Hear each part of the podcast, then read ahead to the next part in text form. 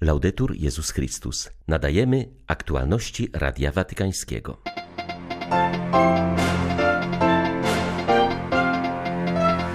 Papież przyjął na audiencji członków Watykańskiej Komisji do Spraw Ochrony Nieletnich. Nadużycia seksualne duchownych oraz złe reagowanie na ten problem przez przełożonych zaliczył do najpoważniejszych wyzwań dla Kościoła naszych czasów nasila się prześladowanie kościoła w Nikaragui. Biskupi i księża są więzieni, delegalizuje się też katolickie media. Młodzież z Ukrainy opowie o swych wojennych przeżyciach na Światowych Dniach Młodzieży. W Lizbonie powstanie m.in. namiot niezłomności. 5 maja witają Państwa ksiądz Krzysztof Ołdakowski i Beata Zajączkowska. Zapraszamy na serwis informacyjny. Kryzys nadużyć seksualnych dotyka poważnie Kościół, dlatego że podważa jego zdolność do ogarnięcia osób wyzwalającą miłością Boga i bycia jej wiarygodnym świadkiem, powiedział papież podczas spotkania z przedstawicielami Komisji do Spraw Ochrony Nieletnich.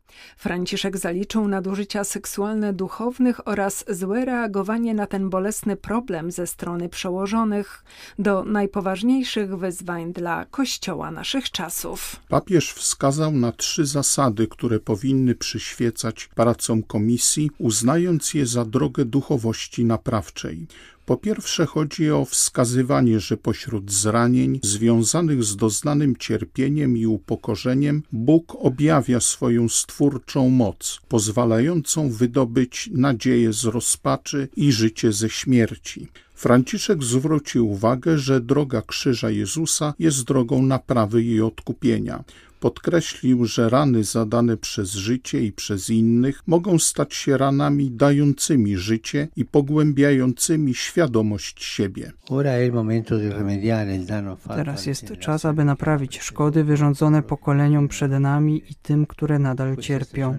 Ten okres wielkanocny jest znakiem, że przygotowuje się dla nas nowy czas, nowa wiosna użyźniona pracą i łzami dzielonymi z tymi, którzy cierpieli. Dlatego tak ważne jest, abyśmy abyśmy nigdy nie przestali iść do przodu. Zasady poszanowania godności wszystkich, dobrego postępowania i zdrowego stylu życia muszą stać się powszechną normą, niezależnie od kultury i sytuacji ekonomicznej i społecznej ludzi. Wszyscy szafarze Kościoła muszą je okazywać w służbie wiernym, a oni z kolei powinni być traktowani z szacunkiem i godnością przez tych, którzy kierują wspólnotą. Życie zakonne jest piękne, ale dochodzi też do popełniania w nim okropieństw, zbrodni i musimy się z nimi zmierzyć, mówi siostra Veronique Margon, przewodnicząca konferencji zakonników i zakonnic we Francji. Organizacja ta przyjęła na swoim ostatnim zgromadzeniu ogólnym szereg norm oraz zaleceń, które mają pomóc zwalczać systemowe przyczyny występowania nadużyć władzy, zaufania, sumienia oraz nadużyć seksualnych w Kościele. Zgodnie z raportem Niezależnej Komisji za lata 1950-2020 odnotowano we Francji 200 tysięcy przypadków takich czynów. Wobec tak poważnej sytuacji tamtejsza konferencja zakonników i zakonnic podejmuje więc środki mające wprowadzać faktyczne zmiany, choć jak przyznaje siostra Margron, przy takiej skali zbrodni nigdy nie zrobi się dosyć, aby wszystko naprawić. Tym niemniej trzeba wysłuchać ofiar oraz reformować elementy prowadzące do tworzenia i utrzymywania się systemów ułatwiających nadużycia. Dzięki takim środkom życie zakonne stanie się bardziej ewangeliczne, zauważa francuska zakonnica. Chodziło tutaj o poważne potraktowanie tego, o czym mówi sprawozdanie niezależnej komisji, a mianowicie systemowego charakteru nadużyć i napaści. Cel stanowi więc pracę nad zapobieganiem, nad formacją, wiedząc jednocześnie, że to nie wystarczy. Istnieją kwestie zarządzania, istnieją kwestie duchowości, które trzeba wziąć pod uwagę, jeśli chcemy spróbować skutecznie walczyć ze wszystkimi nadużyciami władzy duchowej oraz przypadkami agresji seksualnej. Nasze podejście polega na znacznie szerszej wizji obejmującej całe życie zakonne, aby wyszczególnić i rozpoznać jego wady, na przykład w zarządzaniu, samotność przełożonych, fakt, że organy doradcze nie zawsze odgrywają swoją rolę, fakt bycia często zbyt skoncentrowanymi na sobie, co prowadzi do niezdolności odróżnienia, gdy coś dzieje się nie tak, ponieważ już się do tego przyzwyczajono. Oznacza to, że owe nadużycia są utrwalane w czasie przez tego samego sprawcę. Widzimy sprawców działających tak od 40 lat, krzywdzących setki ofiar. Wiemy, że stało się to dzięki systemowemu podejściu, bo inaczej nie byłoby to możliwe. C'est grâce à une systémie, sinon ça n'aurait pas été possible. Papież przyjął na audiencji pielgrzymów z Asti, miejscowości w regionie Piemontu, którą odwiedził w listopadzie. Był to dla niego powrót do korzeni, z których pochodzi rodzina jego ojca. Franciszek dodał, że półtora dnia pobytu w tym mieście było dla niego pocieszeniem i doznaniem wielkiego ludzkiego ciepła. Ojciec Święty w swojej refleksji zatrzymał się nad rozumieniem słowa rodzina, ponieważ zmieniło ono swój sens poprzez nauczanie i przykład życia Jezusa z Nazaretu. Franciszek podkreślił, że odnowił on rozumienie rodziny i przekształcił jej znaczenie, nazywając nas wszystkich braćmi i siostrami. To nowa rzeczywistość przemieniona przez Jezusa, łącząca silniej niż więzy krwi. Jego miłość przemienia rodzinę, uwalnia ją od mechanizmu egoizmu, który wynika z ludzkiej kondycji, z grzechu, wyzwala ją i wzbogaca o nową więź, jeszcze silniejszą, ale wolną, niezdominowaną przez interesy i związki pokrewieństwa ale ożywioną wdzięcznością, szacunkiem i wzajemną służbą. Ta nowa rodzina Jezusa nadaje nowe znaczenie relacjom rodzinnym, między małżonkami, między rodzicami i dziećmi, między rodzeństwem. Jednocześnie zakwasza życie wspólnoty kościelnej i cywilnej. Sprawia, że wzrasta bezinteresowność, szacunek, akceptacja i inne wartości ludzkie. Nowy raport amerykańskiej Komisji do Spraw Wolności Religijnej podkreśla, że w ostatnim roku wzrosło znacząco prześladowanie Kościoła w Nikaragui. Państwo zamykało przedstawicieli Kościoła w aresztach, w więzieniach i pozbawiało ich praw obywatelskich. Delegalizowano instytucje katolickie i odbierano im własność a towarzyszyły temu gniewne oskarżenia prezydenta mówiącego o spisku ze strony Kościoła. Raport wskazuje, że bezpodstawne aresztowanie, a następnie skazanie na 26 lat więzienia biskupa Alvareza jest wymownym przykładem prześladowania. Już w poprzednich latach rząd odmawiał poszczególnym księżom powrotu do kraju, de facto skazując ich na wygnanie. Po raz pierwszy jednak w 2022 roku posunął się do aresztowań. Reżim wydalił także nuncjusza apostolskiego, arcybiskupa Waldemara Somerdaga, zdelegalizował misjonarki miłości, a także zamknął co najmniej osiem rozgłośni katolickich i stację telewizyjną. Przed kilkoma miesiącami wydalono 222 opozycjonistów do USA, wśród nich trzech księży, diakona, dwóch kleryków i jednego świeckiego pracownika kościelnego. Niedawno uderzono w katolickie uniwersytety. Charków stał się wielkim centrum pomocy humanitarnej, która z tego miasta rozwożona jest na cały teren diecezji charkowsko-zaporowskiej i do strefy przyfrontowej.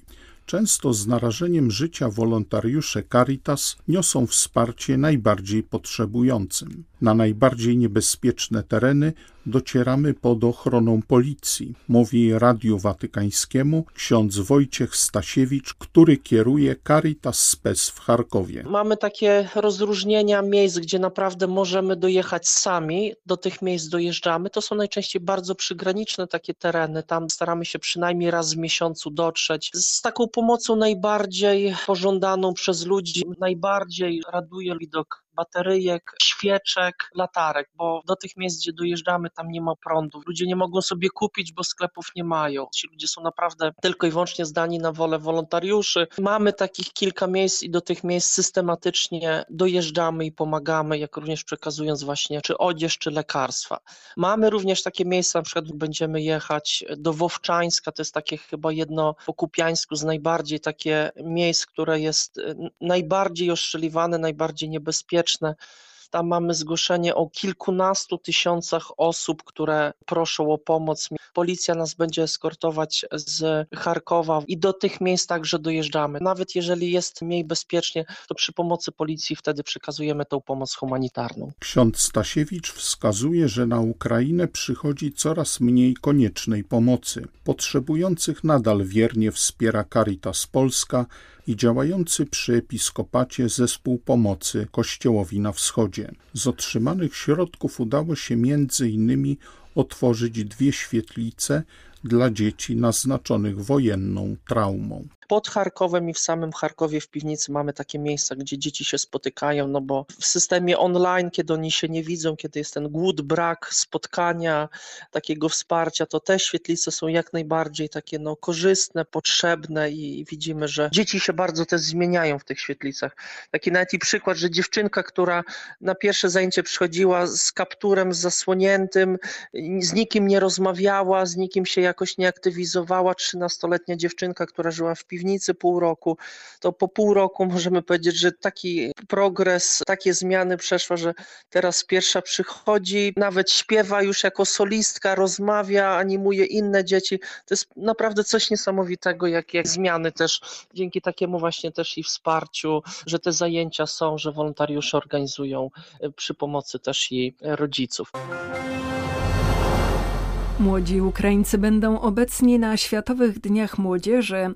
Pojadą, aby opowiedzieć innym o swoich przeżyciach i podziękować za otrzymaną pomoc, mówi Radiu Watykańskiemu ksiądz Waldemar Pawelec, koordynujący przygotowania. W Lizbonie planowane są różne ukraińskie inicjatywy. Zadbano też, by uczestnicy za wschodniej granicy mogli być razem podczas kolejnych wydarzeń spotkania młodych. W tym roku organizujemy wspólnie wyjazdy Kościół rzymskokatolicki i Kościół grekokatolicki. To było naszym ogromnym pragnieniem i to się udało. To już widzimy, że się udało nam. W tym momencie mamy zarejestrowanych prawie 500 osób, także myślę, że uda nam się nawet więcej niż 500 osób przywieźć do Lizbony. To nie jest tylko młodzież z Ukrainy, ale to jest młodzież, która wyjechała również po rozpoczęciu wojny i w tej chwili przebywa w różnych krajach. To będzie młodzież również i z Polski, Włoch, z Francji. Główny problem to był problem finansowy, ale to może nawet nie chodzi o kwestię zabrania pieniędzy i wyjazdu wyjazdu, tylko chodzi o to, że te pieniądze, które byłyby zebrane i przeznaczone na wyjazd, mogły być przekazane dla swoich rówieśników, którzy w tej chwili walczą na froncie. I bardzo wielu młodych ludzi, kiedy rozmawialiśmy z nimi o tym wstępnie i mniej więcej rozmawialiśmy też o kosztach tego wyjazdu, to oni przyjęli taką opcję, że nie będą w stanie pojechać, dlatego że te pieniądze, które mogliby przekazać na wyjazd na Światowe Dni Młodzieży, oni mogą przekazać dla swoich przyjaciół, znajomych, którzy walczą, albo no, wspomóc tych ludzi, którzy gdzieś byli wyzwalani pod okupację. Aby młodzi z Ukrainy mogli lepiej przeżyć przeżyć Światowe Dni Młodzieży, zaplanowano dla nich wspólne miejsce kateches, a także zgromadzenie ich w jednym sektorze podczas wydarzeń centralnych. Po raz pierwszy w historii zapewniono również tłumaczenie kateches w języku ukraińskim. Ksiądz Pawelec podkreśla, że i sami Ukraińcy będą bardzo aktywni w Lizbonie. Chodziło o to, żeby pokazać młodzieży całego świata sytuację młodzieży ukraińskiej w czasie wojny. Takim symbolem jest ten namiot niezłamności, czyli miejsce, które od października praktycznie do wiosny w wszystkich miastach Ukrainy były takie namioty, gdzie w sytuacji, kiedy nie mieliśmy dostępu do światła, wody i energii elektrycznej, to były takie w których można było się przyjść, ogrzać, wypić się po herbaty, spotkać się z innymi, dla starszych ludzi zmierzyć sobie ciśnienie, pobyć po prostu, naładować sobie telefon komórkowy. Chcielibyśmy tę atmosferę tego namiotu, oczywiście będą inne warunki, nie będzie tam minus 15 stopni, tylko będzie na pewno ciepło, ale chociażby pokazać tej młodzieży całego świata, która przyjedzie na Światowe Dni Młodzieży, co tak naprawdę przeżywa młodzież w czasie wojny. Były to aktualności Radia Watykańskiego. Laudetur Jezus Chrystus.